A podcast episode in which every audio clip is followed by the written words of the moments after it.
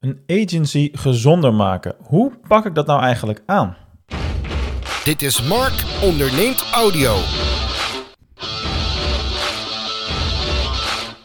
Ja, deze vraag heb ik de afgelopen weken uh, best wel vaak uh, gekregen sinds ik uh, continu aan het communiceren ben.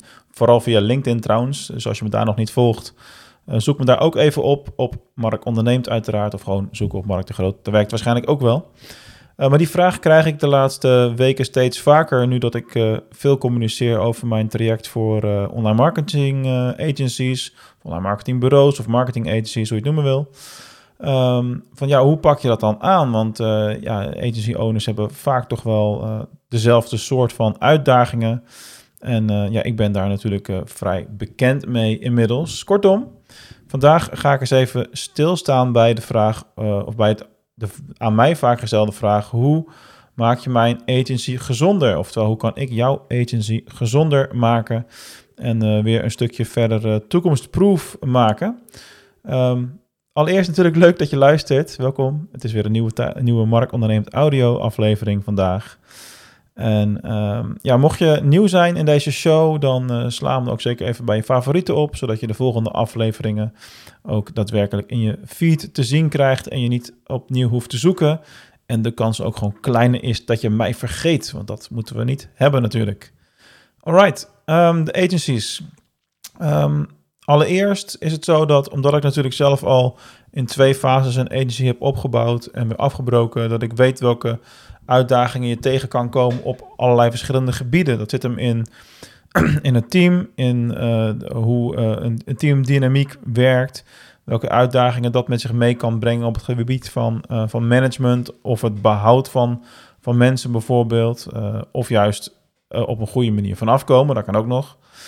Ehm, dat is een factor. Een andere factor is klanten. Hè? Dus hoe zorg ik ervoor dat ik nieuwe klanten werf? Uh, want ja, in de eerste fase van de agency zie je toch heel vaak dat het via het netwerk gaat en dat er heel veel ons kent ons kan plaatsvinden. En ja, dan droogt zo'n bron op een gegeven moment op. Hoe kom je dan aan je nieuwe klanten? Dat is ook een uitdaging waar ik veel naar mag gaan, gaan kijken binnen het traject. Um, vervolgens ook meer halen uit je bestaande klanten is ook een hele belangrijke factor. Dus welke diensten neemt jouw klant nu af? In hoeverre ben jij misschien in staat om uh, ja, meer te betekenen voor de bedrijven waar je al voor werkt? Dus meer te gaan doen. Uh, of uh, nieuwe diensten aan te bieden die goed bij hun passen. Um, een stukje inhoudelijk hou ik me mee bezig natuurlijk binnen zo'n traject. Dus de agencies die al Google Ads diensten aanbieden aan hun klanten, kan ik goed coachen inhoudelijk op uh, de campagnes zelf en het team beter maken. Dus van, van de juniors de mediors maken of van de mediors de seniors maken. met name op het vak inhoudelijke stuk. En um, dat allemaal bij elkaar is eigenlijk een soort van soep die ik elke keer weer maak. En dat zijn eigenlijk de ingrediënten die ik meeneem binnen het ja, opschalen van een agency of het gezonder maken van een agency of het bouwen van een agency. Want ik merk dus ook de laatste paar weken dat er best wel verschillende soorten uh, bedrijven op me afkomen. Als in van grote agencies met echt tientallen medewerkers tot aan uh, startende agencies die nog met z'n tweeën zijn. Uh, of zelfs alleen en willen gaan bouwen en gewoon een shortcut willen hebben van oké, ik wil niet alles zelf moeten bedenken. Leer mij gewoon hoe ik de agency moet bouwen en dan ga ik dat doen. Dus dat is best wel interessant. Dat geeft ook een hele andere soort dynamiek. En dat betekent ook dat binnen de, de trajecten waar ik nu mee begonnen ben, want er zijn al wat uh, mensen ingestapt, zeg maar. Dat is hartstikke tof. Uh, maar binnen die trajecten merk ik dus ook dat uh, ja, er grote verschillen zijn in, in, waar in die reis van de agency mensen dan zijn. Dus elke fase, elke groeifase heeft natuurlijk zo'n eigen zijn eigen specifieke uitdagingen. En ja, bij een bestaande agency, laten we zeggen 15, 20 man, heb je totaal andere uitdagingen dan bij agencies die, uh, waarbij de owner ook nog zelf uh, in het arbeidsproces is betrokken van, van klantwerk en dan misschien aan, toe is aan zijn eerste medewerker. Dat zijn totaal verschillende fases. En ja, daar, daar heb ik allebei al mee te maken gehad in de praktijk. En dan eh, heb je dus ook de tools en de mogelijkheden om eh, op het juiste niveau te coachen. En vooral te coachen op wat er in die specifieke situatie uh, nodig is. Nou goed, wat zijn nou die, de meest voorkomende uitdagingen binnen agencies waar je tegenaan loopt? Ik heb ze al een klein beetje stiekem genoemd in de introductie natuurlijk. We gaan even wat dieper erop in. Uh, het meer halen uit bestaande klanten. Laat ik daar even mee, mee beginnen. Dit is vaak niet zozeer een uitdaging die agencies zelf zien. Maar wat ik wel merk is dat het vaak een blinde vlek is.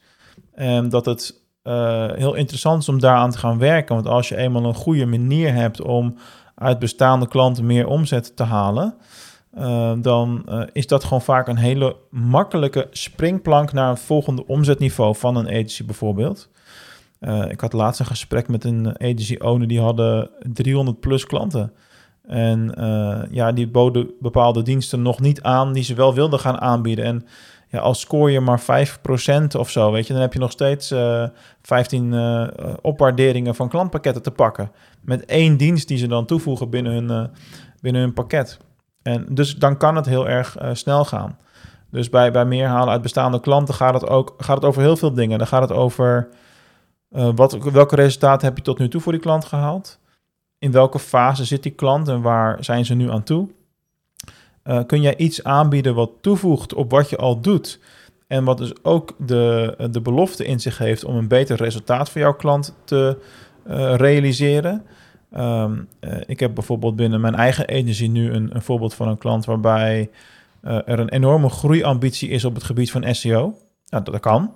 Maar dan moet je dus ook flink in investeren. Dus je ga je in plaats van een ik veel, een, een, een, klein pakket naar een extra groot pakket, waardoor je veel meer acties kan ondernemen in een maand, waardoor je ook sneller effect zult sorteren. Dus dat soort opwaarderingen uh, zijn uh, interessant. Dus uh, kijk bij de klant in welke fase die zit. Um, hoe ga je dan het gesprek aan? Welke communicatie is daarbij handig om, om in te zetten? Uh, bij wie doe je dat wel, bij wie doe je dat niet? Want niet met alle klanten wil je dat natuurlijk ook. Dat is ook een interessante kwestie. En dat soort, dat soort dingen behandel ik zeg maar binnen mijn coaching ook heel erg. Oké, laten we daar eens goed gaan kijken, analyseren en dan vooral ook uh, de keuzes maken die op dat moment echt helpend zijn. Dat is een hele belangrijke. Uh, een andere manier waarop ik een agency dan gezonder kan maken is uh, aan het werk met klantprojecten. Dus ik heb natuurlijk agencies waarbij ook al Google Ads diensten worden aangeboden. Nou, soms zijn het er meerdere mensen die daarbij betrokken zijn. Dan zijn het echt specialisten al. En dan is het wat meer in de nuance waar je een bijdrage kan leveren. Maar soms heb ik ook te maken met een bureau waarbij het gewoon één medewerker is die al die campagnes voor hun klanten moeten doen, maar dat is er maar ingerold en het is eigenlijk nog een junior. Nou, dan kan je eigenlijk door inhoudelijk te coachen de, de resultaten van die campagnes voor hun eindklanten uh, kunnen we dan versneld beter maken. Uh, waardoor uh, ze langer te, tevreden blijven en er dus minder uitloop van klanten is, waardoor dus ook weer ja, het hele agency-idee, het wordt er gewoon een stuk gezonder van, zeg maar. Dus dat is ook een hele belangrijke. Um, het derde element, het eigenlijk zijn er natuurlijk uiteindelijk zijn het er vier waar, waar het vooral in zit. Het derde element is, is echt kijken in het team. Dus, dus wie doet wat in het team? Zijn ze daar zelf tevreden mee? Wat zijn hun uh, ambities op wat langere termijn? Uh, hoe kun je mensen binnenboord houden? Uh, kijken in hoeverre worden ze al benaderd en gerecruit. Want mensen worden echt bij bedrijven weggekocht wel eens tegenwoordig. Dat is al wat langer aan de gang. dus hoe kun je daar nou het beste mee omgaan? En hoe zorg je ervoor dat je een team kan bouwen wat uh, ja, voor elkaar door het vuur wil gaan? want je kunt beter een team hebben wat ja, echt voor elkaar wil, wil knokken en, en dan een goed resultaat behaalt. Als dat de één sterspeler is waar je van afhankelijk bent te veel. Dat is ook weer een ongezonde situatie. En tot slot het laatste element waar ik vandaag even stil bij wil staan in het kader van agencies gezonder maken is um, als je toe bent aan groei, hoe ga je dan voor jouw agency de nieuwe klanten werven? Dan gaan we kijken naar hoe heb je het tot nu toe gedaan? Wat werkte daarin goed, wat werkte daarin niet? Hoe kunnen we dingen vergroten? En welke manieren van klantwerving heb je misschien nog niet ingezet? En zijn manieren die in mijn ervaring wel goed, uh, goed werken? Ik zal dat inhoudelijk natuurlijk verder hier nog niet prijsgeven, want je moet wat bewaren voor in het traject uh, tenslotte. Kortom, er zijn veel manieren uh, waarop uh, ja, een, een, agency owner zeg maar gebaat kan zijn bij, bij het traject wat ik, wat ik aanbied. Zonder er nou alleen een verkooppraatje van te willen maken natuurlijk. Want uiteindelijk gaat het er ook om dat je naar kunt luisteren en dat je zelf mee aan de slag kan gaan en dat je je tips al uit kunt halen.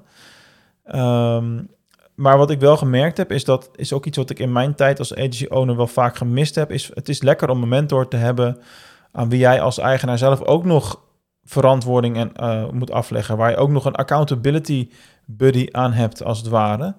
En waar je dus ook eh, je ei kwijt kan en goed mee kan, eh, kan sparren zonder dat het direct een concurrentieprobleem oplevert. Want dat wil je natuurlijk niet, logischerwijs. Dus in, in samenvatting, de belangrijkste elementen in deze aflevering van de podcast. Um, zorg ervoor dat je meer haalt uit bestaande klanten door je diensten uit te breiden en te communiceren erover op het juiste moment. ga analyseren in je team wie wat aan het doen is, hoe tevreden ze daarmee zijn en wat ze op lange termijn willen. Daarmee voorkom je dat je ergens te laat achterkomt. En, uh, en bekijk ook op het moment dat je toe bent aan groei, wanneer je nieuwe klanten wil gaan werven, ga dan ook vooral kijken naar het stukje, oké, wat heeft er altijd goed gewerkt? Ga niet zomaar alles weer doen. Dat zie ik ook veel gebeuren van, oké, ik deed Instagram en LinkedIn en e-mail en outreach en alles tegelijk. Maar heb je wel eens goed gekeken naar welke elementen uiteindelijk dan die klant hebben opgeleverd? Ga dan eens eerst een tijdje alleen dat doen en zet daar volledig op in. Kijk dan wat het effect is. En uh, dan zijn die andere kanalen misschien minder belangrijk. En welk kanaal dat dan is, en dat kan natuurlijk per bedrijf enorm verschillen. Oké, dat was hem voor vandaag. Hopelijk hebben jullie hier wat weer aan gehad. Uh, ben je een agency owner, uh, plan dan zeker eens een keer een strategiegesprek met mij in, zodat we kunnen kijken of ik een bijdrage kan leveren aan de groei van jullie agency. Werk je er zelf of ken je iemand voor wie dit wellicht heel waardevol kan zijn? Stuur ze dan zeker door naar deze podcast. Je vindt hem in Spotify op de naam Mark Onderneemt Audio. Voor vandaag weer bedankt voor het luisteren en tot de volgende keer.